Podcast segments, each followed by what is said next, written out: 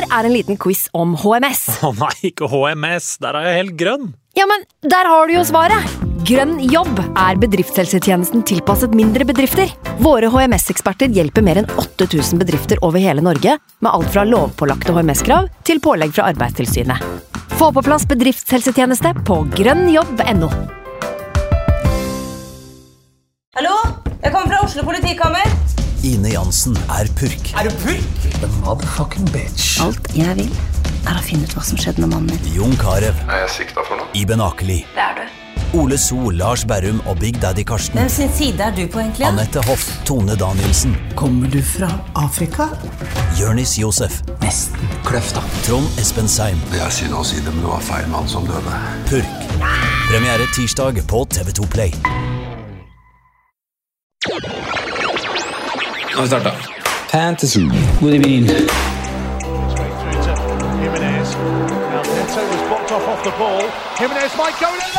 God evening.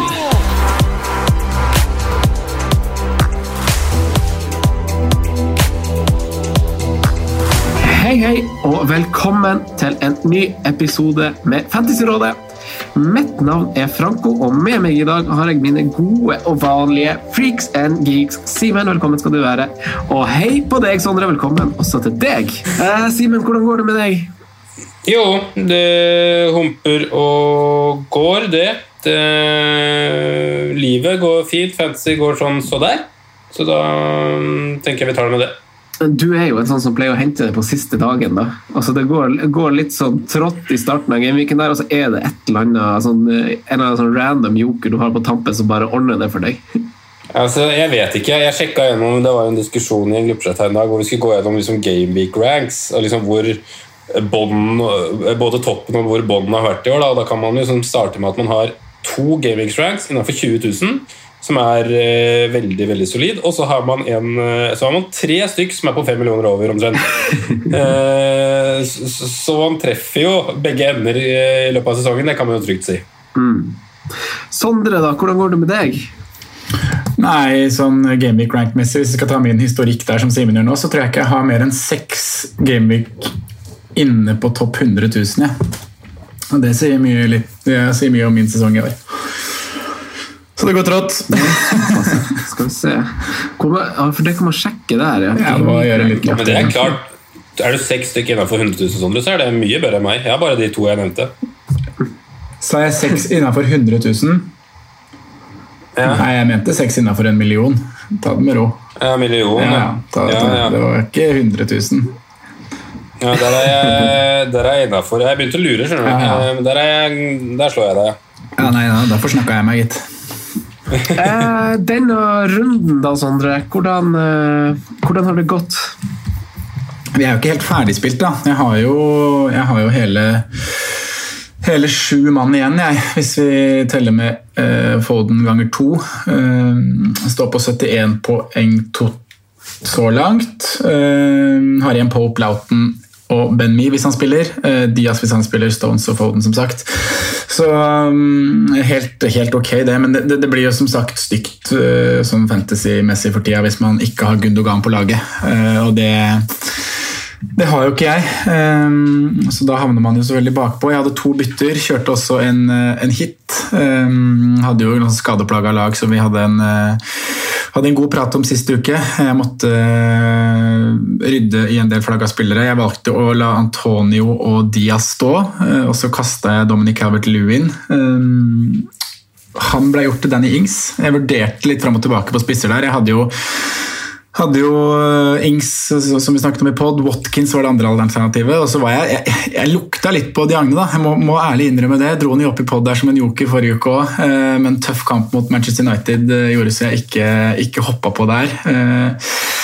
Eh, Så jeg fikk jo skåringa til Danny Ings, og jeg er fornøyd med å stå med han inn i, inn i dobbeltrunden nå. Um, I tillegg til det så, så kasta jeg Mitchell og Forster, uh, to døde spillere, og preppa egentlig laget mitt for en litt sånn halvveis benchboost, men den ble ikke aktivert. Jeg valgte å, å spare den og egentlig ha en plan om å kjøre nå inn i kommende runde. Uh, Det skal vi snart komme, komme mer inn på, men uh, valgte da å få på både Pope og, og Ben Me, da. Så um, så kapteins uh, på Foden der, den liksom der jeg satt, følte jeg satt med et lag hvor egentlig det beste alternativet kanskje var Bruno Fernandes, selv om han bare hadde singelrunde. Jeg var ikke solgt på Foden, eh, litt sånn halvveis på Pope, selv om jeg angrer litt på at jeg ikke turte det. Eh, og da blei det egentlig Phil Foden, for han spiller på det beste laget av de med dobbeltrundene. Eh, så ja.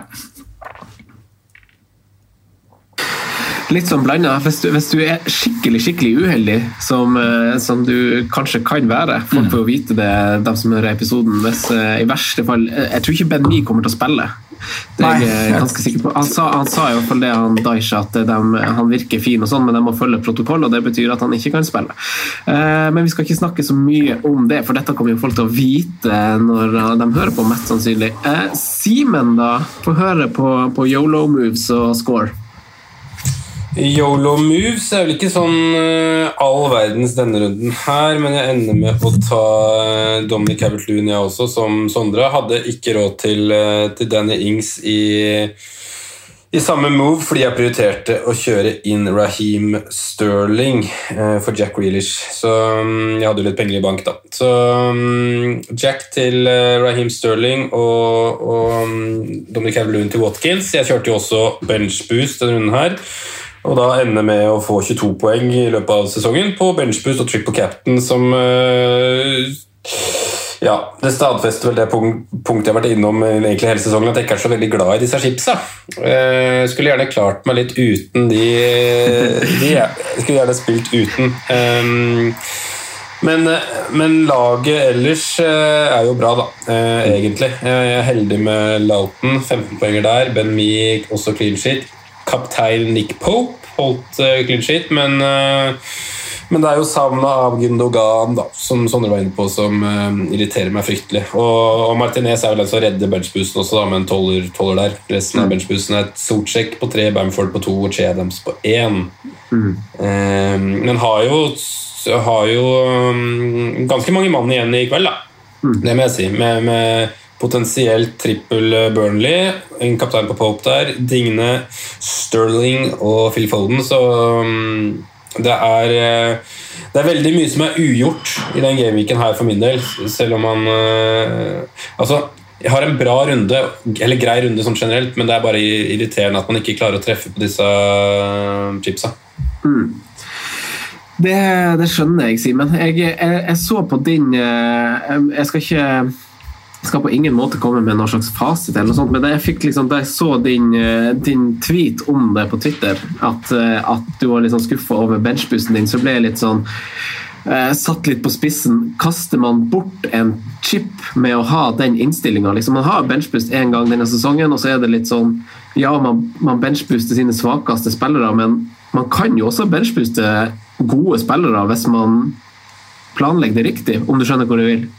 Ja, og det var jo også planen. Helt til det alt eh, som vi har vært innom før. da, Jeg har ikke lyst til å grine om egentlig mer, men uh, at jeg satt jo veldig veldig godt i det i de opprinnelige picturene uh, før jul. Uh, før jeg mista sju kamper der på å utsette Eller sju spillere som skulle spille en kamp, da, eh, som ble forskyvet, og, og gjør at jeg sitter helt feil Eh, at laget mitt sitter helt feil eh, bygg. Da, med at jeg sitter med to keepere, får ikke brukt noe chip. Jeg får ikke komme meg ut av det fordi jeg må forberede meg videre. det ble en sånn litt sånn runddans som, som ødela litt. Eh, så tenkte jeg det nå, at nå skal jeg ikke sitte i den posisjonen der igjen, hvor jeg wildcarder meg inn i et benchbusslag og skal bruke seks-sju runder på på å komme meg vekk fra det. Nå skal jeg rett og slett ta et wildcard med elleve mann, eh, da, eh, som jeg kan ha ut sesongen, som, jeg- som jeg er glad i, som jeg gleder meg til å, til å spille fram på. og Derfor vil jeg bare rett og slett ja, Greit nok at jeg kanskje går litt inn med feil, men jeg syns benchboosten var bra nok på papiret. Med at det er to spisser, at det er en sortsjekk som jeg var veldig fram tilbake om jeg skulle spille eller ikke. Ehm, Da først og fremst mot lagkamerat uh, Sofal. Da. Eh, også Martinez også, som vi vet eh, gjør det der når du ikke forventer det. Selv om Pope, alle hadde spilt Pope for Martinez denne runden her. Det, det er ikke noe å tenke på. Eh, men Martinez har fortsatt et godt alternativ å, å få med på en benchboost. Da. Så jeg syns på, på at benchboosten var bra nok da, til å bruke den nå, og ikke til å måtte vente med å ha den eh, til en dobbel 26. Nå har du fått gjort det du liker best, da, og det er å kvitte seg med chips. Ja, nå er jeg ferdig for sesongen med wildcard. Eh, Ikke den runden her, men eh, neste runde så ser jeg kvitt alt som er chips, og skal kose meg ut sesongen. Ja, jeg, har, jeg har bare lagt en sånn regel for meg sjøl egentlig at, eh, at jeg skal kjøre benchboost i en dobbeltrunde. Og årsaken er jo egentlig bare at man får bedre sjanser for gevinster. Altså, I verste fall så får du jo istedenfor de to poengene som du får på benken, så får du jo fire, og til sammen så blir jo det fort seks poeng, da. Så det er jo, det er jo litt ekstra. Eh, og jeg var jo eh, altså På min beste fantasyplassering noensinne så var jeg, jo, var jeg jo bare tre poeng unna topp 1000, og da er det kjipt når det er bare de tre poengene det, det står på. hvis eh, Ja, det er marginer. Eh, min runde Jeg har kanskje en litt bedre runde enn dere, da, for jeg har jo eh, Når jeg så Rodri var tilbake i trening, så skrapa jeg jo den ene planen som jeg lufta her i podkasten om å sette på Stirling for Gundogan Gündogan og ta ut Dominic Calvert-Lewin, som jeg kunne gjøre. Eh, men eh, siden Rodry var spilte, og sånt, så, så kjørte jeg capen på Gündogan, som de aller, aller fleste gjorde, og det har jo ordna egentlig hele gameweeken mer eller mindre. Så jeg står på 106 poeng eh, med de tre City-spillerne, og selvfølgelig Lauten, Simen, vår mann på backen der, og Sondre, for den saks skyld. Så jeg satt bare på Watkins og Pope, da, som var den andre planen jeg skisserte i poden. Sondre, i dag så har vi jo eh, fått ganske masse spørsmål. Vi går inn i hektisk tid. Hvordan, du, hvordan tenker du vi dekker det? Nei, Vi skal prøve å dekke det på best mulig måte. Eh, Vi står på trappene til en ny dobbeltrunde. En liten eh, minidobbel som skal ta oss inn i enda en større dobbel. Eh, Ben Crellin har gitt oss oppsett for sannsynlig utfall, men han påpeker også at ting ikke er offentliggjort. En offentliggjøring vil muligens ikke skje før etter deadline til Gameweek 25 er passert. Men vi skal ta utgangspunkt i det vi vet. Vi, vi skal diskutere wildcard og chipstrategi basert på det lille vi har av info og det Ben Crellin spekulerer i. Eh, Vi skal se på hvordan vi angriper perioden frem til blank Gameweek 29 og hvilke navn vi anser som høyaktuelle på wildcard og must i Gameweek 26. Eh, Videre så blir det en liten prat om formlagene før vi i spaltedelen skal, eh, skal se på hvilke spillere vi anser som sentrale i kommende double gameweek, eh, og hvor mange hits det egentlig er lov til å ta før en sånn liten minidobbel. Very good. Ja, det er bra Ben Krellin hjelper oss eh, å holde oss oppdatert og være den støttespilleren han er for hele miljøet. Eh, Så vi er jo bare videreformidlere av eh, veldig god informasjon og research gjort av én enkeltperson over i England. der. Vi spurte, vi spurte jo faktisk Ben Krellin på samme tidspunkt i forrige uke, jeg tror det var på onsdag eller noe sånt, på altså før Gameweek 24-fristen om når han trodde dobbel Gameweek 26 ville bli lansert. Og hans svar da var veldig lite sannsynlig før Gameweek 24-frist, altså forrige uke. Eh, ganske sannsynlig før eh, Gameweek 25-frist på fredag. Men da får vi se, da. Da, da, er det, da er det kanskje ikke det allikevel. Det er jo dumt at det er kamp på fredag. Det er typisk at vi får vite det, det, vite det da. Og så er det egentlig ja. Eh, Men wildcard og chipsprat, eh, Simen. Du har jo nå blasta to, to av dine chips. Hva er planene dine going forward? Nei, Planen min nå er å litt finne den balansen på antall eh, hits inn i den runden som vi kommer inn i nå. Hvor mye man faktisk skal gamble med, med lag som Southampton og Leeds, da, som er eh, lagene som har, har dobbel, og så få brenne et wildcard og stå knallgodt i 26.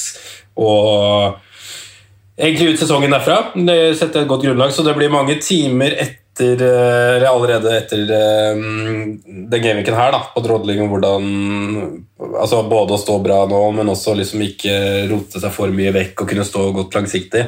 Så eh, neste uke tror jeg blir intenst eh, for hjernecellene mine. Denne runden her tror jeg jeg kommer til å ta det litt sånn på sparket. Jeg skal selvsagt drøfte litt fram og tilbake her også, men at man kan altså Spørsmålet mitt som tror jeg blir egentlig bare om jeg skal ta minus fire eller minus åtte inn denne runden her.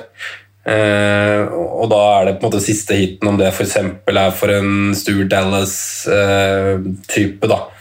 Uh, så ja, det, det, er, det er grove planen min akkurat nå.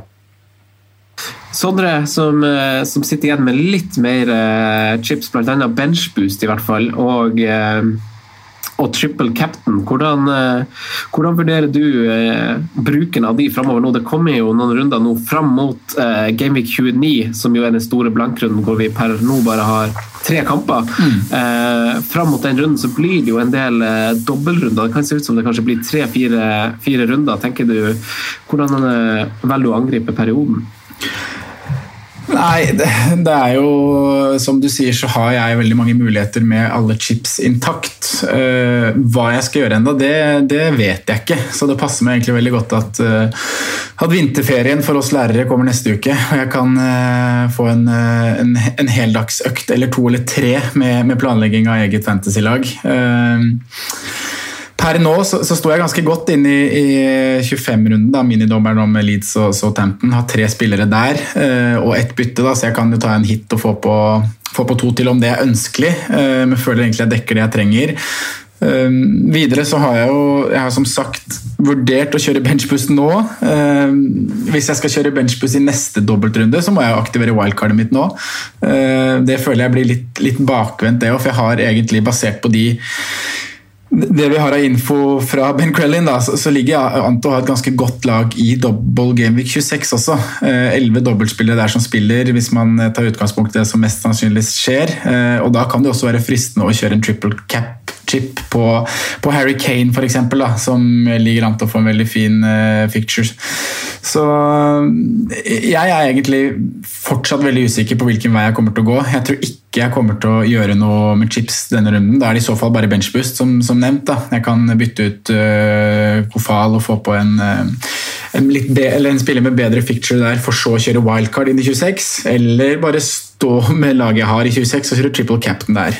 Um, men jeg har, der, jeg har noen chips jeg må få brukt. Uh, heldigvis kommer det nok med dobbeltrunder da, til å bruke de. Jeg, bare, jeg tror jeg kommer til å vente til jeg får full oversikt over i hvert fall 26 før jeg gjør noe. Um, mm. Ja, fra, fra mitt ståsted, som har brukt wildcard eh, og hadde en tentativ plan om uh, free hit i 26. Uh, eh, vi følte jo for lenge siden at det ville falle seg veldig naturlig. Mm.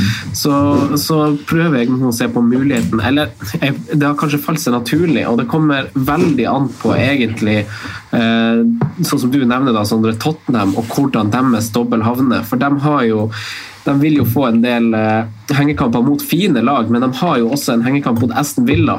Eh, men dersom det ikke er Altså, den ene hengekampen deres som blir i 26, unnskyld, ikke hengekamp, den kampen som går uansett, er Burnley på hjemmebane, så spørs det hvordan av hengekampene som kommer inn. Hvis det ikke blir Villa borte, så er det Fulham eller Southampton. Eh, og, og da tenker jeg at det er veldig naturlig å tenke triple captain istedenfor benchboost mm. og, og, egentlig noen andre chips. For Eh, for ja, Det er veldig fine kamper for Tottenham, men det, det forutsetter jo at uh, Tottenham uh, stepper opp litt. da, fordi jeg tror jo liksom, Hvis jeg hadde kjørt triple captain nå, litt, det hadde vært litt sånn skudd i blinde, føler jeg. For da kunne jeg ha sittet igjen med, med, en skuffende sum i, etter Game 26 er passert, og så tenker jeg at jo, selvfølgelig, uh, det her burde jeg ha sett komme. Tottenham var i ganske dårlig form uansett. Mm. Så det avhenger litt av hvordan kamper de får, og hvordan de ser ut mot Westham nå, egentlig. Om det er berettiga. Jeg føler jeg har brent meg før på å spille på rent, eh, på rent kampprogram, og så har det ikke gått helt veien fordi laget åpenbart ikke har vært i form. Mm. Eh, ellers så tar man jo tar man jo potensielt bare sjansen hvis de fortsatt er i dårlig form, men da må man være bevisst over at ok, nå tar jeg faktisk en sjanse her. Ja. Eh, Tottenham er i dårlig form, de må, de må, snu det, og vi satser på at det kommer nå. Så, så det er egentlig alternativet. Og så hjelper det jo eh, altså, jeg, altså, må jeg også se an hvordan det blir med City. da. Altså, De Bruyne og Aguero er avbilda på treningsfeltet igjen. Det er klart eh, det kan ha masse å si for eh, hvordan man ønsker den City-konsentrasjonen sin eh, framover, tenker jeg. Eh, Hvis, man, hvis, man, tenker for de som er på wildcard, da, Simen, og skal wildcarde seg inn i en benchboost, men også tenke litt framover. Hvordan spillere anser du, og hvordan lag anser du som viktig å, å, å dekke? Uh, ja, vi Viktig å dekke, så tror jeg også det handler litt om det du var inne på nå, med tanke på at Tottenham også får en kamp i 29. Og kanskje sitte med en liten base, da, med, eller altså, base blir kanskje feil å si, men sitte med noen spillere som kanskje er litt sånn uavhengig av lagets form, kommer til å plukke litt sånn jevnt med poeng. Snakke litt om kanskje de store stjernene i Spurs. Uh, kanskje kaste seg på, på spissen, keeperen uh, kapteinen er det vel, til Aston Villa. Eh, altså En liten sånn base med de, så må man kanskje vurdere hvor mange også. Men den vanskeligste eh, oppgaven, tror jeg, for de som går wildcard nå, denne runden her, er å finne balanse på hvor mange Leeds og Southampton-spillere man skal ha, Mm. uten at det på en måte eh, går utover det laget sitt i 26, med, med mindre man er villig til å ta en liten gamble og kanskje påkoste seg allerede minus 4, minus 8 når du tar wildcardet. da, Hvis du på en måte vil ha dobbel effekt av det og, og planlegge litt bytter. Men det er også kjip sånn tankegang, da, for vi vet jo det at eh, planlagte bytter langt fram i tid det, det er, lønner seg sjelden, for det kommer alltid noen som skal steppe øh, kjepper i hjula. Eh, Det skjer alltid noe, enten med skader, med suspensjoner, med roteringer med etc. Så jeg tror faktisk den vanskeligste balansen for de som går wildcard nå, er den Leeds og Tempton-tilnærmingen. da. Hvem og hvor mange. Ja, det, det, den kan jeg se, faktisk. Det blir vrient. Vi skal komme litt tilbake til akkurat uh, denne gameweeken, men uh, altså, ulike chipstrategier. Folk står igjen med ulike chips. Vi har tidligere snakka om at eh, det er naturlig kanskje eh, Det har vært fem-seks Gameweek siden, og man skal tenke litt framover, men nå er vi der. Eh, Gameweek 25, veldig mange tenkte at da kjører man wildcard for å benchbooste inn i 26. Jeg var i hvert fall veldig støtter av akkurat den. for det, Jeg vet ikke om jeg er det fortsatt, så dere må gjerne overbevise meg, men jeg syns jo tanken av en benchboost i 26 er bedre enn en benchboost i noen andre gameweeks. For jeg liker jo som sagt å, å wildcarde meg inn i en benchboost, men det gjør jo ikke han Simen, så det, det handler jo litt om eh, preferanse og valg. Eh, har dere kikka på noen andre strategier, eller du, har du f.eks. gjort det, Sondre? Nei, nei, som jeg sa i stad, så vurderer jeg jo alle mulige strategier. Eh, og den 25 wildcard, 26 benchboost, eh, den er vanskeligere nå. da. Eh, og spesielt nå når jeg føler at jeg sitter med et ganske godt lag nå i 25. Eller i hvert fall sånn, Jeg har tre dobbeltspillere, Rafina Bamford og Danny Ings. eh, og har egentlig en ganske grei tropp til å kjøre benchbuss denne runden også, hvis jeg bare gjør ett bytte. Eh, så, føler jeg på en måte at den eh, å wildcarde nå og ta benchbuss neste blir blir litt feil i mine sko, da. Eh, og så har vi også det aspektet med om jeg venter å kjøre wildcard da i 26, så ryker muligheten for å kjøre triple cap. Eh, Men da kan jo potensielt triple capen være fin å ha i 27 og 28. Og for meg, du var litt inne på det i stad, Franco, at hvis det er Spurs og Harry Kane som er det beste alternativet til å triple cap det i, i 26, og veldig mange går dit, så er det ikke sikkert det er så dumt for meg som er, som er litt bakpå, da, eh, å bare kjøre wildcard den runden. Eh, Kapteinet Harry Kane, da blir ikke skaden så altfor stor, og da ha triple cap-chipen eh, til senere. Eh, og virkelig bruke den til å ordentlig diffe litt, da, for, å, for å prøve å hente inn eh, litt terreng her. Når man ligger på, på overall 400 000, så må man på en måte gjøre noe annerledes. Og tida i sesongen for å kunne gjøre det, er jo, den har jo kommet nå. Vi, vi runder snart hjørnet hvor det er, hvor det er lov å, å diffe på kaptein, til og med. Så mm, jeg er veldig åpen, og det er mange strategier som jeg tror kan fungere. Eh, men jeg er veldig enig med Simen at det, hvis du skal ha wildcard nå i 25, så, så, så får du det litt sånn uggent med å skulle stable det du trenger, eller det du føler du vil ha av Leeds. Og så Tempen, da. Eh, Leeds har ikke dobbeltrunde i, i 26. De har eh, greie kamper i 27, litt tøffe i 28, og så har de jo Det som er veldig bra med Leeds, er at de spiller 29, så, så sånn sett så burde man jo kanskje ha med noe. Men eh, hadde jeg vært på wildcard og skulle gjort noe, så er det ikke sikkert vi hadde gått med, med mer enn to. altså. Jeg føler liksom ikke det er så veldig mye mer man trenger, og Southampton heller. Det er, det er, Danny Ings er egentlig spilleren jeg, jeg mener man bør ha med derfra. Det er, jo, det, er jo, det er jo så masse usikkerhet fortsatt eh, som er kanskje litt årsaken til at man holder litt igjen eh, med, med wildcard. Man vet ikke hvordan eh, dobbeltrunde i 26 vil bli seende ut. Og så vet vi jo også at det er jo lag som har flere hengekamper, som vil komme mest sannsynlig i 27 og 28. Så det vil jo være muligheter for, for å bruke chips også der. Men, men jeg jo altså, jeg, jeg, jeg ser jo også på at Altså, grunnen til at jeg også dropper frihet, er jo samme årsak som at du dropper, dropper eh, benchboost, Sondre. Det er jo at eh, det er jo at jeg har jo et ganske bra lag uansett til den dobbeltrunden, så jeg kan heller spare frihit og, og se om jeg kanskje til og med vil bruke den i 29, selv om det er veldig lite å hente der eh, når, eh, når det er så få kamper som spilles. Men allikevel så kan jeg kanskje hente 10-15 poeng, da, i beste fall. Eh, Men, eh, men eh, det, det, det er jo usikkerheter her, eh, Simen, som gjør det litt gjør det litt vanskelig å bruke et wildcard, kanskje? Ja, det er usikkerheten og balansegangen som jeg føler eh, er det. Men jeg tror også at det, det kan potensielt være kjempefint å gå et wildcard nå. Så ikke misforstå meg heller. Det er ikke det at jeg slakter, eh, slakter det, jeg bare sier at det kan bli vanskelig. Eh, men jeg tror absolutt at det kan være gunstig. Eh, så det er liksom bare det at man, eh, altså man kommer til å sitte nå fram til deadline, tror jeg, og, og, veldig på, og kjenne veldig på hvilke valg man tar, og hva som blir, eh, blir utslagsgivende. Men jeg er jo, føler meg veldig trygg på at den 26-skisserte planen fra Ben Crellin kommer til å gå så å si som planlagt for ham. da. Jeg føler meg ganske trygg på de planene, så jeg ville tatt utgangspunkt i det da, hvis jeg skulle, skulle gjort store endringer nå som, som ville ha følge for laget mitt over tid. da. Vi har, vi har jo lagt ut det bildet som vi, som vi snakker om nå, for de som ikke er på Twitter og følger Ben Kelly. så har jo vi lagt ut det bildet på Instagram i hvert fall. Eh, Så følg oss bare der, og så kan dere se jeg tror det siste bildet vi la ut. Kanskje til og med på Facebook òg, jeg er litt usikker. Mm. Men eh, enn har dere vurdert eh, altså Jeg står jo faktisk bare med om Bamford, som har, eh, som har dobbeltrunde i eh, denne kampen. Eh, Jeg har ikke et wildcard å falle tilbake på, sånn som dere har, så situasjonen for meg er nesten litt annerledes. Så, så der jeg er, at jeg vurderer nesten bare å, å stå han av, egentlig. Og, og og bare ha Bamford. Kanskje sette på Rafinha eller noe sånt som, eh, som jeg så ble posta av en av mine favoritt-Twitter-accounts, Adam Hopcroft, som sa at siden han Rafinha begynte å spille fast i Leeds, så har han tatt flere poeng enn Patrick Bamford har gjort eh, for Leeds. Eh, tre eller fire poeng mer, så det er ikke mye om å gjøre, men det bare sier litt om for et godt valg han er, da.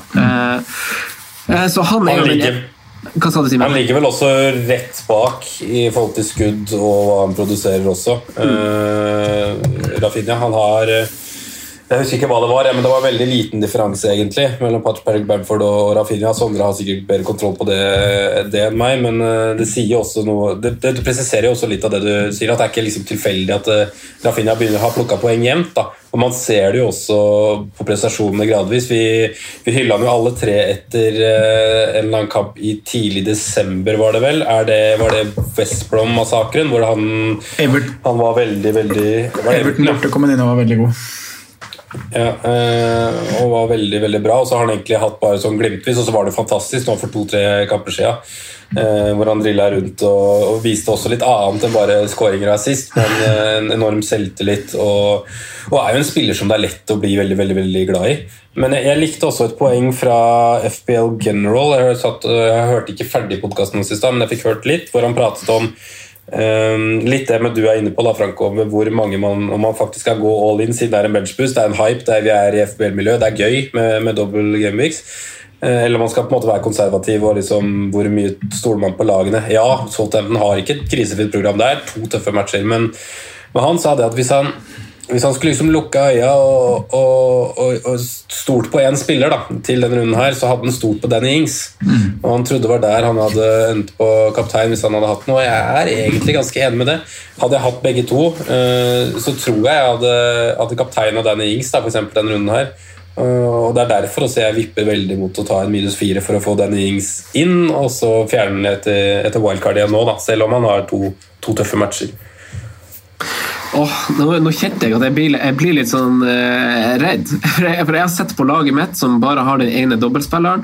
Eh, og så har jeg egentlig en, egentlig en helt annen plan i hodet, skjønner dere. Fordi jeg ikke har wildcard, så tenker jeg inn at jeg må ha litt midler til Kane og sånn. Og det er jo kanskje en litt, en litt av fella å tenke, tenke sånn framover. fordi det jeg eventuelt gjør nå, vil jo sette preg på hvordan dobbelen i neste runde vil være. Jeg vil få en bedre dobbel game i Q6 uten chip ved at jeg på en måte ofrer den runden her med å bare ha Bamford. Da. Men igjen så har jeg, så dere må gjerne hjelpe meg litt, gutter. For jeg har jo f.eks. Eh, altså jeg har jo Gundogan, da, jeg har, eh, jeg har Son, jeg har Bamford, og så har jeg jo dobbel United bak jeg kan spille, eh, som har Newcastle hjemme. Er det, Syns dere det er nok? Til at, eh, Eller syns dere skal begynne liksom å røre for å få dobbeltspillere der, eller er det spillere som på en måte kan, kan gjøre jobben på tross av at de bare har enkeltkamp? Du sitter jo med et veldig bra lag i forhold til, til runden. Eh, og som du sier, så har du lag som har gode features og enkeltkamp, så det blir på en måte litt annet scenario. Men det jeg tenkte jeg skulle spørre deg om, annet enn at det koster på en måte et ekstra bytte, så koster det deg ikke så mye annet for denne Ings. da. Sånn, eh, altså, du, hvis du skal til Harry Kane senere, så er jo bare Danny Ings en som skal være såkalt en liten placeholder, selv om han ikke koster like mye. For du må jo ikke sånn at du må Altså Pengene skal jo fram uansett, hvis du skjønner poenget mitt. Eh, hvis du skal ha Harry Kane, så, så denne Ings vil jo ikke ødelegge i, i den grad som f.eks. du ville gjort om du skulle hatt inn eh, ja, Si Bruno Fernandes, at du har Bruno Fernandes, men bare for å poengtere at han er midtbane og er dyr. Mm. Denne Ings er jo i samme posisjon, så han koster jo ikke annet enn et ekstra bytte. sånn sett. Det er, det er for så vidt egentlig et godt innspill. Her må jeg eh, se litt på. Eh, men eh, hva, hva, tenker dere om litt sånn yolo-moves denne runden her, da?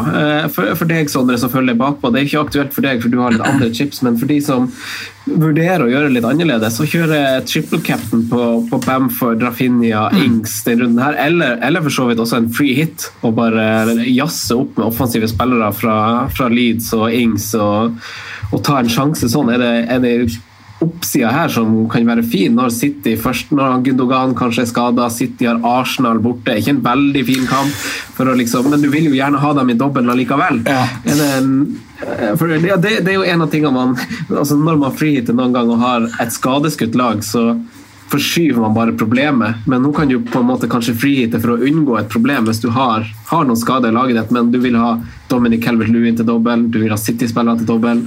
Kan du mm. frihitte nå bare for å da får du de spillerne tilbake. da.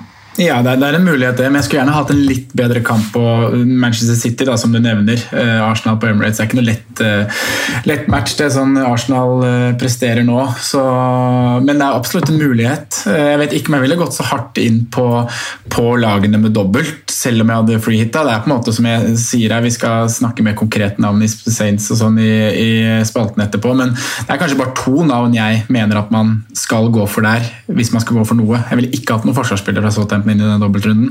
Uh, Leeds er det litt mer åpent, men det er også to som peker seg ut ganske åpenbart der, da, i tillegg til, til forsvar, en forsvarer, kanskje. Uh, men der har du kanskje i hvert fall én, og noen har jo også to av de, uh, i Rafinha og Bamford. Så, um, men en triple cap kunne jo vært artig å gjort, og da er man litt inne på det jeg nevner her i stad, om at, at du, hvis du er veldig langt bak og må gjøre noe annerledes, så er jo en triple cap-tegn på Danny Ings denne runden her, eller Patrick Bamford et sånt move.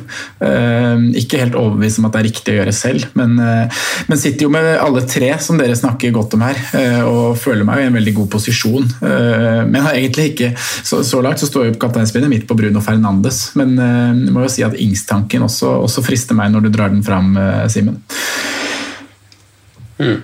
En, en, altså, jeg jeg syns kanskje den beste planen for de som er beredt på det, er vel kanskje egentlig å hvis man er sånn som deg, da, Sondre, egentlig, som uten å gjøre noen bytter nå, står med de spillerne man anser som viktigst å ha inn i denne dobbeltrunden, og da kunne spare et bytte og rulle det inn i Gameweek 26 med to bytter, for å så styrke benken og kjøre en benchboost da uten å bruke noe, uten å bruke, wild, ja, uten å bruke wildcard nå, men at du klarer å få en god benk til en benchboost i 26 uten bruk av wildcard, da snakker vi. For da kan du rydde deg ut, eh, mm. som, som, vi alle kanskje liker best, rydde deg ut av benchboost med et wildcard etterpå.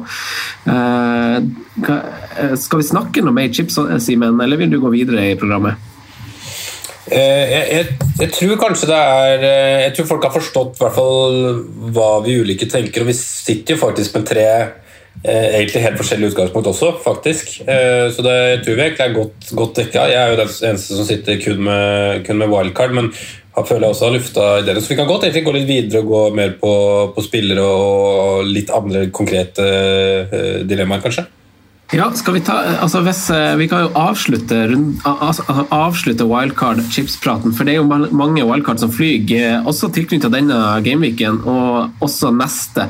Hvem, eh, hvem, ville dere, hvis vi tar en liten runde på de ulike leddene, hvem ville dere ha hvis vi starter som keeper, Sondre, på mm. din hjemmebane? Hvordan, hvordan keepere ville du ha vurdert? Og ha liksom runde 29 i bakhodet, at det er en blank, at, det, at ikke alle har free hit å bruke der. altså at man tenker litt ulike scenarioer scenario, da, hvordan keepere ville du ha stått iblant? For, for, å starte med den runde 29, da, jeg ville ikke tenkt sånn altfor mye på den. Man må ha den i bakhodet, eh, men kanskje er vi heldige her, da. Beklager. Kanskje er vi heldige som dere nevner og får inn Spurs uh, Villa. Uh, det vil jo gjøre det selvfølgelig mer, mer attraktivt for freehittere. De får flere og bedre spillere å velge i. Men det vil også si at uh, vi som ikke skal freehitte, men som skal bytte oss til, til alternativer der, får noen gode valg i, i Jack Grealish, i Harry Kane, i Son osv. I tillegg så er det jo Leeds, da, som vi har nevnt, som, som, som har kamp. bortsett fra det så er ikke de oppgjørene som står der akkurat nå så veldig, veldig fristende. Brighton, Newcastle, Fulham, Leeds, Westham, Arsenal. Det er, det er to, tre, fire navn det er snakk om som kanskje er attraktive å ha. Da. Men tilbake til keeper, var der vi egentlig var. Og da er det egentlig to keepere som skiller seg ut, som er, som er best om dagen, da. Fantasy-messig og Martinez Pope. Det er jo for Martinez en del så kommer det jo en del dobbeltrunder. Vi må bare se hvor de skal inn. Eh, det er en eh, very likely double game week i 26, det er en likely double game week i 27. Eh, så det vil jo si at det kommer fine matcher der. I tillegg så har vi Fulham i 28 og da potensielt, potensielt Tottenham i Nei, nå sa jeg feil. Det blir eh, kanskje dobbelt 28, eh, og det blir Tottenham potensielt i 29. Så Martinez mener jeg er et veldig fint valg. Eh, Pope, fin kamp nå i 25, West Bromwich. En litt tøff dobbel og en tøff kamp i 27, men det kommer til å komme redninger og en overraskende clean sheets. Så det er jo egentlig de to jeg ser på som de beste alternativene. Hvis man har lyst til å involvere seg i mer leads da, enn de offensive navnene vi har nevnt, så er det jo å gå for Melier med dobbel genvik nå i 25. Da får du ikke noe dobbel i 26, men litt sånn greie kamper i, i Villa, Westham United, Chelsea og Fulham fram mot 29. Så det er de tre jeg har skrevet ned her, egentlig. Simen han oppsummerer jo det egentlig ganske greit. Jeg vet ikke om du har noen, noen andre jokere du føler må, må, kastes inn i diskusjoner? Nei, jeg er egentlig helt enig. Jeg kan liksom bare nevne uten å, å dra det så lang tid, men eh, jeg tror, uh, tror, det er de tre som er det heteste, og så tror jeg man kan kaste sånn inn hvis man absolutt skal, skal gjøre noe annet. Satt Ederson med tanke på Citys form og Areola i, i Fulham uh, Jeg har en feeling på at Fulham kommer til å plukke mer poeng og mer clean shit utover sesongen enn de har gjort fram til nå. Eh, sånn snittvis. Med tanke på pris, med tanke på også litt program der, så, så tror jeg han kan vurderes. Men jeg, jeg, tror nok ikke jeg hadde vurdert noen av de over Sovnes alternativer uansett. Jeg bare ville kaste de med.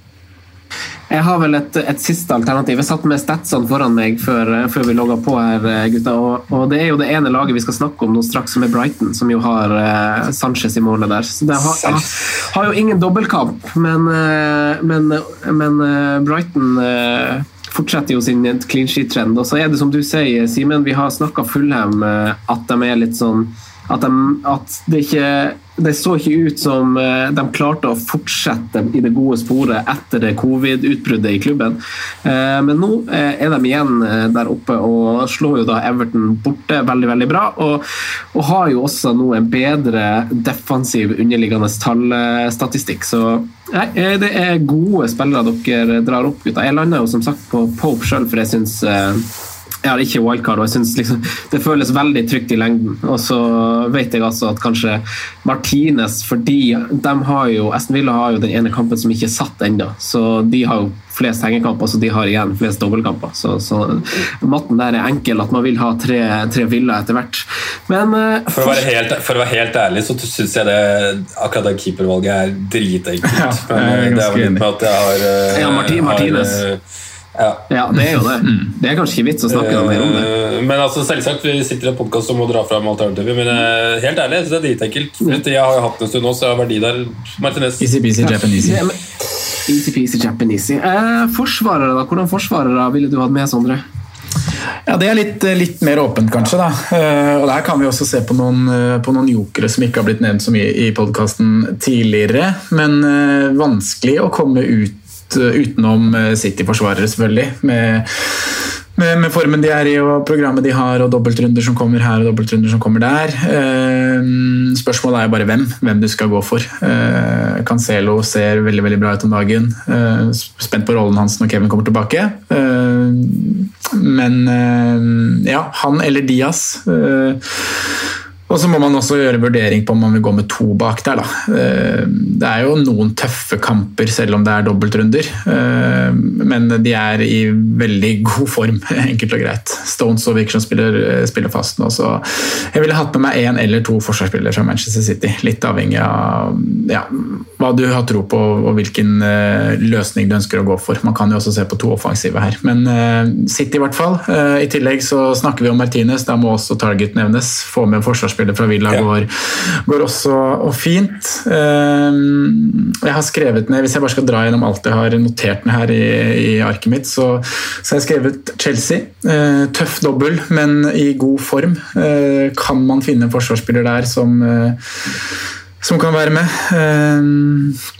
Har jo, nå har jeg faktisk ikke oversikt over lineupen nå i sist match, men spilte Rudiger den nå, eller så er, han, eh, så er han veldig på, veldig på, gang? Og det gjorde han vel? Ja, da, han det, det kunne, han, kunne, han Rudiger og han Aspille av forsvarere som spilte samtlige kamper under Tuchel. Ja, og da er jo Rudiger det åpenbare valget å gå til med tanke på prisen her. Koster, koster 4,6. Så Rudiger lanserer jeg som et alternativ. Eh, og så har jeg et eh, sånn, eh, kanskje litt eh, overraskende lag å dra fram, men det er jo et lag som har blitt bedre på underliggende tall i det siste. Hatt to egentlig ganske gode matcher nå mot Tottenham og United, og som da på en måte blir Hvis du wildcarder nå for å kjøre en benchboost, så, så må du ha noen billige alternativer. Og, og West Bromwich eh, har en ganske grei rekke hvis den possible double game week, 40-60 sjanse skjer, eh, mot eh, Brighton-Everton i 26, så har de, så har de Burnley Brighton-Everton over, eh, over, de to neste rundene. Og Maitland Niles til 4,6 der, som også spiller litt out of position, syns jeg faktisk er ganske spennende.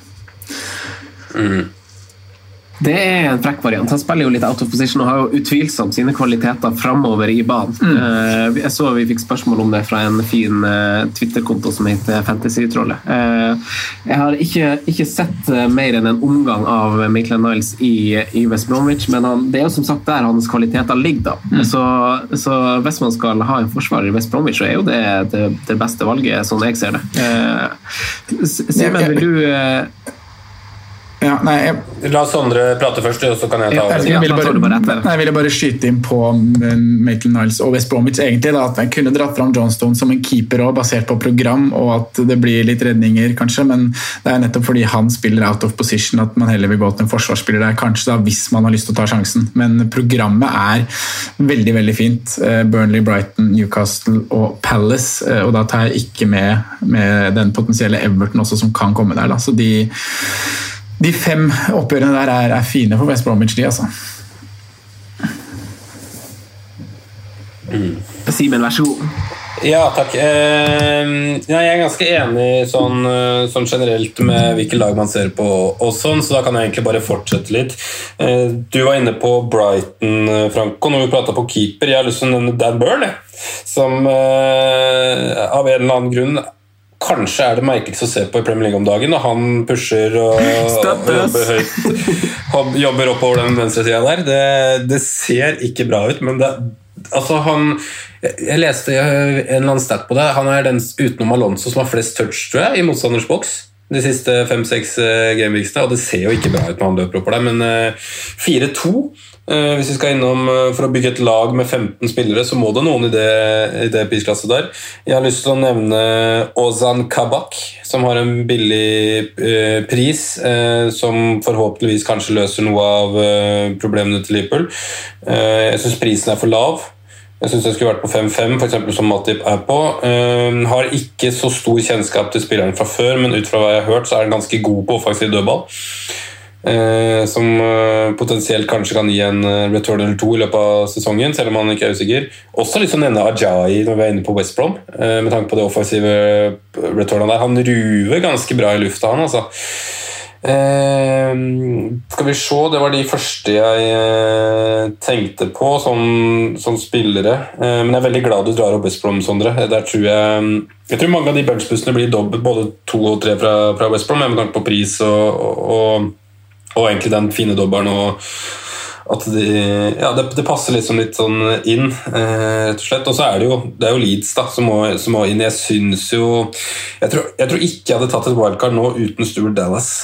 Eh, det tror jeg faktisk ikke, selv om jeg ikke er så overbevist om at de holder, holder nuller. Så holder de, har de, hvis man ser tilbake denne sesongen, her, så har de holdt overraskende mange nuller i forhold til mange mål de slipper inn. Og han, eh, han er jo offensiv i den der ganske flytende 4-1-4-1, 3-1-3-3-varianten til uh, Bielsa. Eller 3-3-1-3 blir vel mer riktig. Så jeg tror faktisk ikke jeg hadde tatt et wildcard uten han, med tanke på at han er under fem også og har levert så mye offensivt. offensivt da. Men jeg tror vi er ganske godt dekt der, altså, hvis man tenker sånn Dere nevnte litt lag i starten, og så litt om spillere, og litt sånn, så føler jeg det er en god bunke med forsvarere. Jeg vet ikke om Alonso for eksempel, skal inn i diskusjonen. Ja, jeg har jo jeg har skrevet Alonso ned. Han er, jo, han er jo Sånn som vi kjenner han, så er han jo eh, Vi skal snakke litt om Chelsea òg, men han, eh, han, er jo klokkeklar på Selv om han har starta tre av fire under Tuchel i Premier League, eh, så er han jo så soleklart øverst av forsvarere som har ballberøring i boks, med, med så sykt god margin òg. Så han er jo noe for seg sjøl til, til 5-7. Vi kjenner jo det her veldig godt jeg syns eh, det er Dere nevner på en måte de riktige klubbene. Jeg syns det er litt ekkelt, for nå må vi begynne å ta litt nye hensyn med Europa tilbake. Eh, nå har vi jo hatt Premier League eh, uke inn uke ut i midtuke, men nå skal det fylles med Europa i stedet. Så jeg som eier Luke Shaw f.eks. er litt sånn spent på hvordan han Solskjær velger å angripe Europa League.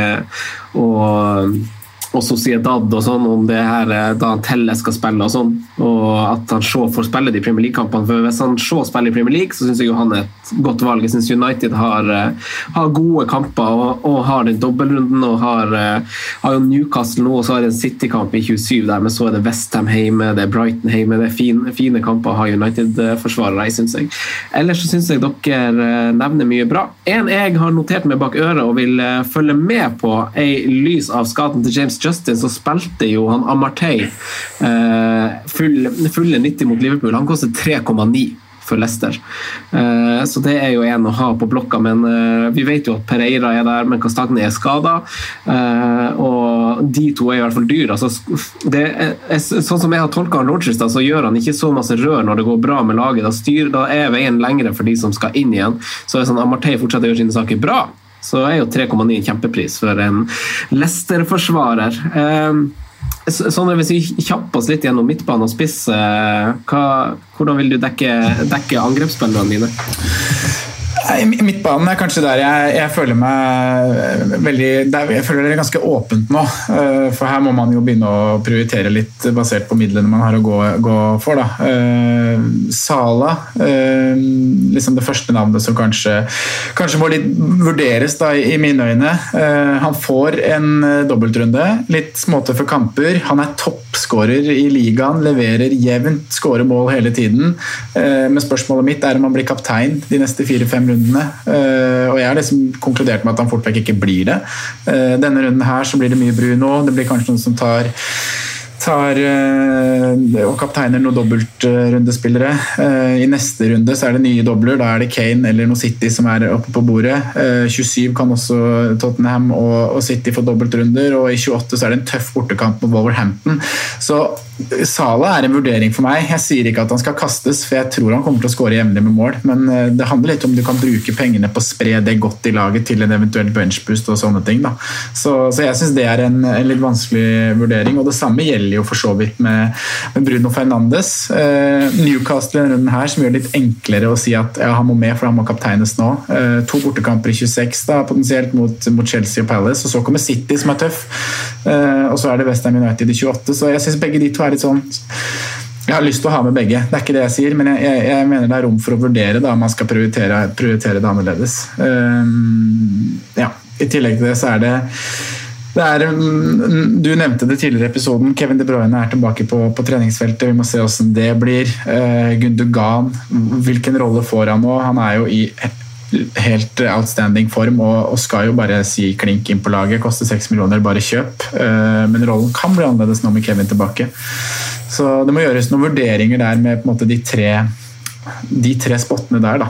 Eh, så er det veldig mange andre navn som, som sikkert Simen kan dra mer igjennom. Vi har Rafinha, skal man ha med han nå med dobbeltrunde? Hva gjør man videre med, med Leeds-spillere? Ja.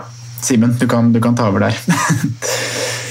Ja, eh, jeg kan jo først kommentere på en måte det du, du var inne på. Jeg er jo veldig klink på at Salah skal være med. Nå ligger han i rute til sin nest beste sesong eh, poengmessig for, eh, for Liverpool. Er allerede oppe i den antall skåringer som han hadde totalt i fjor, vel. Eh, allerede i februar, når Liverpool har eh, vært varierende. Må jo huske at det, eh, selv om de på en måte er dårlige nå, så leda de ligaen i, i romjula. Så hele sesongen har ikke vært dårlig. Altså Man må huske litt sånn på det også. Uh, men det har vært, Liverpool har vært dårlig nå, men Salah har liksom levert relativt jevnt og trutt. Uh, Så jeg ville hatt med han. Uh, Jeg er veldig på vippen om jeg skal beholde Bruno Fernandes. Du var for så vidt litt innom det, du også, Sondre. Men med et wildcard nå, så ville jeg jo hatt med noen runden her. Men for min del med wildcard neste, så tror jeg timingen er riktig for å si adjø et tidspunkt. Altså, jeg må si det. Eh, Med tanke på at den ikke har levert i noe topp seks-oppgjør eh, eh, til nå, og, mm, og at det er andre steder jeg ville prioritert. Jeg sier ikke at jeg gjør det, men jeg sier at eh, jeg føler at det kanskje kan være riktig, og at jeg skal vurdere det. Rafinha, som du sier, ville jeg hatt med pga.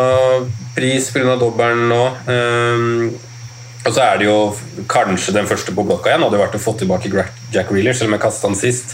Så, er nok han den første, så var det også skissert med at han skulle inn igjen på det OL-kartet. At det var en kort, eh, kort periode uten. Og så eh, at vi får en eh, Skal velkommen eh, ønskelig tilbake til Joel, Joel and the Juice eh, ut sesongen. Eh, ja, det er, ikke, det, er ikke, de- det er de jeg liksom kommer på i farta. Så det, har du formspillere da, i f.eks. Saka.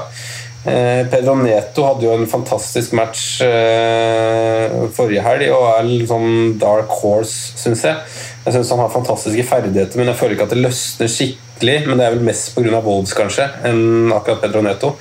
Jeg føler han drar litt den offensiven der, der nå. Eh, ja, jeg følte det var et egentlig ganske dårlig svar da når du kasta ballen videre, men da får jeg kaste ballen videre igjen til Franco. da Ja, jeg har, jeg, har, jeg har sett på litt stats og sånn på Fantasy Football Scout, og jeg syns det er bra at dere slår et slag for Sala, fordi man, man blir jo litt farga av resultatene til Liverpool, men han har jo allikevel levert. Det er jo ingen som har flere avslutninger enn han i denne dårlige gåseøyne formperioden, og verken i boks eller totalt, så han er tronig øverst der. Ellers er det jo en joker i samme prisklasse, Simen, som du nevner, saker så jeg synes det er veldig viktig at du nevner han, for han er jo i ekstremt bra form, og jeg er jo veldig Det var veldig artig å se at eh, Smith Rowe for eksempel, fortsatt blir brukt. Så det her er jo litt spennende å se på hvordan Arteta angriper eh, Benfica nå i morgen på torsdag og Europa League videre, for kanskje han anser det som den, den beste muligheten å få europaspill til neste år. At, at, for nå ble jo Holding ble benka, PP som er i form ble benka, Lacassette som har vært fast på topp ble benka. Så, så det er jo na naturlig da kanskje dra opp Aubameyang igjen, skåre hat trick. Eh, kjempe, kjempegod form. Eh, og så er det jo en spiller Simon, som du har snakka opp i Brighton, Alexis McAllister. Eh, eh, så du har nevnt at det bor noe der. Han har en fun fact, en, en navnebror som heter Kevin McAllister, han samme som er i eh, Alene hjemme. Eh, han har jo Det er jo kun Bruno, Bruno Fernandes og Sala som har flere skudd enn han de siste fire rundene. Nå er riktignok ni av de 13 skuddene utafor boks, men han er glad i å skyte. Eh, Ellers så syns jeg det er viktig å nevne Leicester midtbanespillerne. Barnes og Madison, som jeg syns uh, har levert uh, altså Leicester har gått så under radaren for meg generelt, men uh, de to gutta der, helt rå. Barnes til neste år bare ser for meg blir bankers i alle lag. så, så god som han er om dagen. Så så hvis han får litt kontinuitet i, det der, kontinuitet i det der, så tror jeg det kan bli bra. Men skal vi gå over på topp, da? Bare kaste inn en på slutten der, når vi var inne på West Brom også på forsvarere. Mateus Pereira som hadde en fantastisk dobbel sist, der nede på 5-5 og ser til å få to hjemmekamper eh, kamper nå. Han blir en, eh, en joker spesielt kun for dobbelen. Jeg vet ikke om jeg ville hatt den over tid, men eh, obs, obs for den dobbelen, ville jeg, vil jeg sagt. Eh, skal vi ta angrepet, da, Sondre? Spissene. Spissene, ja. Eh, tre navn. Eh, Danny Ings, eneste fra Saints jeg virkelig vurderer, og som jeg har da, eh, inn til dobbeltrunden. Eh, det blir jo av eh, at han skårer mål. da. Southampton er ikke i sånn lysende form, de. Men eh, Danny Ings eh, var tilbake nå. Han har vel ikke skåra så altfor mye i det siste. Vært litt småskada og litt sjuk og sånne ting. Har ikke helt oversikt over alt som har skjedd med det. Men Danny Ings inn nå er, er fin. Jeg mener Patrick Bamford også bare blir med. Best på underliggende tall alle spisser siste fire rundene. Tolv skudd, alle i boks. Eh, dobbel nå. Eh, ikke dobbel i 26, men eh, er med i mellomrundene der fram mot Blank Envik 29, hvor han også spiller, så jeg syns den er ganske grei. Eh, og så er jo sisteplassen den er grei, den. Det er eh, Diagne. Syv, syv skudd og alle i boks siste fire. En håndfull å håndtere. Han, eh, ja, han, han skal med, han. Ikke noe å tenke på. Simen, skal du kaste på noe Josh Maja og, og sånn for å krydre? Jeg skulle til å spørre dere om det var noen av dere som så full av matchen eh, mot Everton, og hvordan Josh Maja faktisk var generelt i, i matchen. Det er jo litt kult, da. En spiller som man kjenner egentlig bare pga. dokumentar.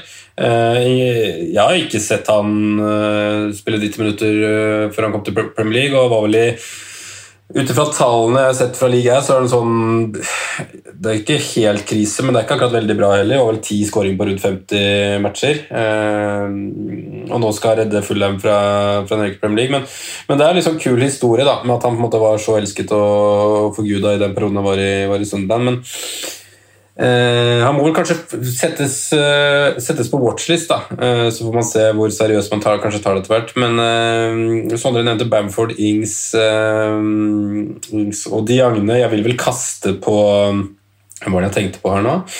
Jeg vil vel kaste på Ollie Watkins. var det jeg skulle tenke på. Ja, ja, Og Harry, Harry Kane, da, selvfølgelig. ja, på, på sikt, da, med, med Watkins. Med at, som vi har nevnt et par ganger nå, Aston Villa er litt sånn um, Det er kanskje det laget man kanskje vil bare ha tre, fordi det glir gjennom nesten uansett hvordan planen man legger over sikt. Med mindre man har bestemt seg for å kjøre free i, i 29, så er liksom, det er veldig enkelt å bare ha en stamme med tre Villa-spillere, og det koster lite i forhold til verdien deres også. Jeg har jo sagt det før, altså, Kunne jeg hatt så mange spillere fra hvert lag jeg ville, så hadde jeg fort endt opp med fem stykker derfra. Fordi at man, De er så billige i forhold til hva jeg føler verdien deres er. da. Så, vet ikke jeg om man skal si adjø om det er adjø til Antonio Tid i disse dager. Jeg ville vel ikke akkurat vurdert han hvis jeg skulle wildcarda nå. Det, det svinger litt der eh, i form av ren pictures, da. Så mm, Det er en mann som er populær, men jeg ville vel ikke anbefalt han framover. Ja, jeg syns det er et veldig naturlig kast for bl.a. gutta du, eh, du nevner, Simen. Jeg syns jo eh, jeg synes jo det er viktig å dra fram et par uh, jokere. altså Leicester uh, altså dem, Som Wolverine så tar de jo kule etter kule, men stormer jo fortsatt framover. Uh, de store gutta er tilbake i City. Og så syns jeg jo det er viktig å ha Werner i bakhodet. da. Tuchel har nå hatt fire gameweeks i Premier League, og han er jo sammen med Rudiger, Aspil Kveta, Mount, Kovacic og Jorginho de eneste som har starta samtlige av de kampene. Og på de fire rundene under Tuchel er det kun City og United som har skapt flere store sjanser, eh, og kun City har flere avslutninger i boks enn Chelsea. Eh, Til, nei, unnskyld. eh, Flere, kun City har færre store sjanser mot seg enn Chelsea, så Chelsea er nest best på store sjanser mot. Mens ingen har kommet til flere avslutninger i boks enn Chelsea i det hele tatt. Eh, Av de 45 skuddene de har hatt, er ni av dem signert Timo Werner, eh, som også har flest store sjanser i denne perioden, sammen med Sala og Gündogan. Veldig, veldig bra. Eh, og så er det jo Alonso da, som har åtte skudd, og så er det fem med Mount der. Så det er ganske spredt sånn egentlig på 45 skudd. Så om du lurer på om ni er bra, så er svaret ganske bra eh, for Werner. Og, og Bamford og Sala har vel tolv, var det ikke det han Sondre sa? Så, så det er jo eh, gode tall for Werner og sånn. Men vi kan jo runde litt av da med å snakke. Vi har jo faktisk fått integrert de her formspillerne og formlagene ganske bra, Simen. Det ene laget som altså Vi bestemte oss jo for å snakke om Chelsea, vi nevnte, skulle nevne Leicester, vi skulle nevne Brighton. Hvis du har noe mer å si på det, så må du gjerne gjøre det. Eh, City skulle vi snakke litt om. og og unnskyld, Westham uh, og Antonio fikk du jo så vidt nevnt i ei bisetning her, Simen. Er det noe mer dere vil skyte inn på det før vi avslutter med våre spalter? Vi starter med deg, da, Simen. Eh, nei, men det er liksom sånn Du snakka på i stad om at Leicester har på en måte gått under radaren. altså Det er jo helt sinnssykt at man ikke har vært inn på eksempel Antonio Cresswell i løpet av Nei, Aron. Antonio Cresswell eh, i løpet av sesongen. Med, med ni clean sheets og ni assist for en forsvarsspiller. Det er jo egentlig helt absurd. Eh, men det, er- det er jo liksom den svingen der. da Westham ser jo egentlig veldig bra ut. Litt sånn overraskende at de er såpass eh, stabile også. Så det er litt sånn synd at man kanskje kommer til å nedprioritere, de fremover. Da. Eh, men nei, jeg har egentlig ikke så mye tilfelle tilføye nå. Jeg syns vi har vært gjennom det aller, aller viktigste i dag. Altså. Skal vi bare Sondre, avslutte episoden med, med å bare si eh, Altså eh, Ta litt utgangspunkt i dobbelen som vi har på dørstokken, da, og situasjoner til forskjellige folk. Sånn som meg, som står med én dobbel Gamevik-spiller, Patrick Bamford. Eh, Jeg kan med hånda på hjertet si at jeg ganske sannsynlig bare kommer til å ha han. Uh, hvis ikke, så kommer jeg bare til å ha to. Og jeg uh, er da innforstått med at uh, det kommer til å gå bedre for andre folk enn for meg, men jeg ser på laget mitt og syns fortsatt at det er bra, og jeg er godt stilt for en dobbel i runden etter, så jeg velger å se på det som en litt større pakke. Eh, Men hvis jeg skulle hatt noen inn, så det, hadde jeg ikke brydd meg om det defensive. Det hadde vært eh, Rafinha eller Ings ved siden av Bamford for min del. Sondre, hva, noen, final words på runde? Nei, på neste runde. Nei, jeg tenkte Vi må jo avslutte med, med, med spalter som vanlig. da. Så, så vi har jo, har jo rådet spillevalg hvor vi faktisk skal ta og dra fram litt, eh, litt prioriteringer til dobbeltrunden som kommer. Um, velge en, nei, to mann fra, fra hvert lag med, med dobbeltrunde. Fra, fra Southampton, fra Leeds. Um, og eh, Simen, du er, eh, er fortsatt i, i ledelse her, så jeg tenker at du, du går først og drar fram Ta fram de, de fire gutta du på en måte har har lyst til å ha med deg inn i, inn i 25. Ja, det er ingen eh, vilkår. Ingen vilkår. Riktig. Minamino. Eh, Danny Ings. Rafinha og Patrick Bamford. Deilig å velge først, si. Franco, hvem, hvem kjører Kan jeg ikke ha samme? Jo da, det kan du. Ja. Eh, nå, nå er vel kanskje jeg i ledelsen etter jeg endra fra, Lauten- fra Tarkovskij til Lauten for å skille, seg, skille meg ut fra dere på, på, på forrige runde. Eh, nei, Tarkovskij kan jo faktisk fortsatt skåre i kveld. da. Men ok, eh, jeg har eh, Det var helt uavhengig av posisjon her. Ja, helt uavhengig av Go hard or go home, da. Da blir det Ings. Bamford, Rafinha og skal vi se, hvem blir den siste? Det blir faktisk Harrison. Ok, det var jo faktisk det jeg hadde tenkt å gjøre sjæl nå, når du, når du ville gå litt annerledes. Men uh, skal vi se, da, da tar jeg en, en straffeskåring fra Klish. han får ta straffa, han sa jo det. Har han sagt det? Ja, Han, sa, han skårte på forrige straff, og da sa han jo i pressekonferansen at straffene er hans, siden Klitsch bomma på forrige. Oh, ja. Det var det samme, det Ja, samme det skjedde i championship. Da var det Da blir, da blir det Harry, Harrison, Bamford, Minamino og Ings. Var det akkurat samme rekke som deg, Simen? Uh, en gang til. Nei, sa det litt fort. Harrison, Bam, Harrison, Bamford, Minamino og Ings. Nei, jeg hadde Rafinha istedenfor Harrison. Ja. Jeg lander Harrison, Bamford, James Ward, Prowse, Ings. Det Ah, fint. ja. Ja, ja, ja. Ok, gutta. Da gjenstår det bare for å, tak å takke for i dag. Takk for i dag. Ja. takk for Takk for at dere stilte opp, gutta. Ha det fint. Straight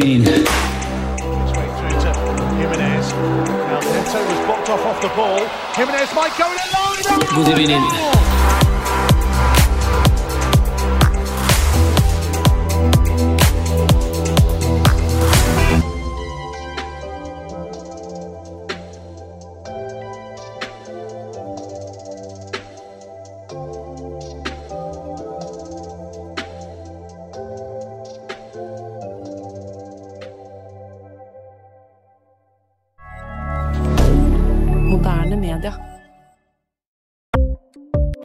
Ukens annonsør er Folio, en smartere banktjeneste for deg som har en egen bedrift eller ønsker å starte for deg selv.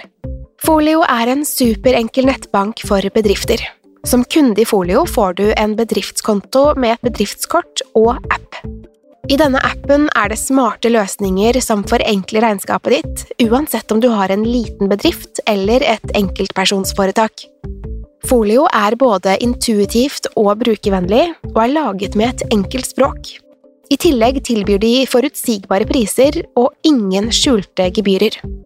Skulle du likevel trenge det, så kan du snakke med deres raske og hyggelige kundeservice, og der får du prate med en faktisk person og ikke en chatbot.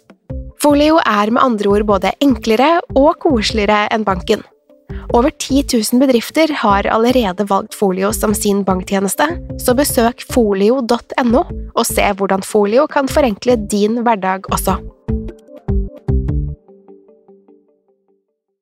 Har du et enkeltpersonforetak eller en liten bedrift? Da er du sikkert lei av å høre meg snakke om hvor enkelt det er med kvitteringer og bilag i fiken, så vi eh, gir oss her, vi. Fordi vi liker enkelt. Fiken superenkelt regnskap.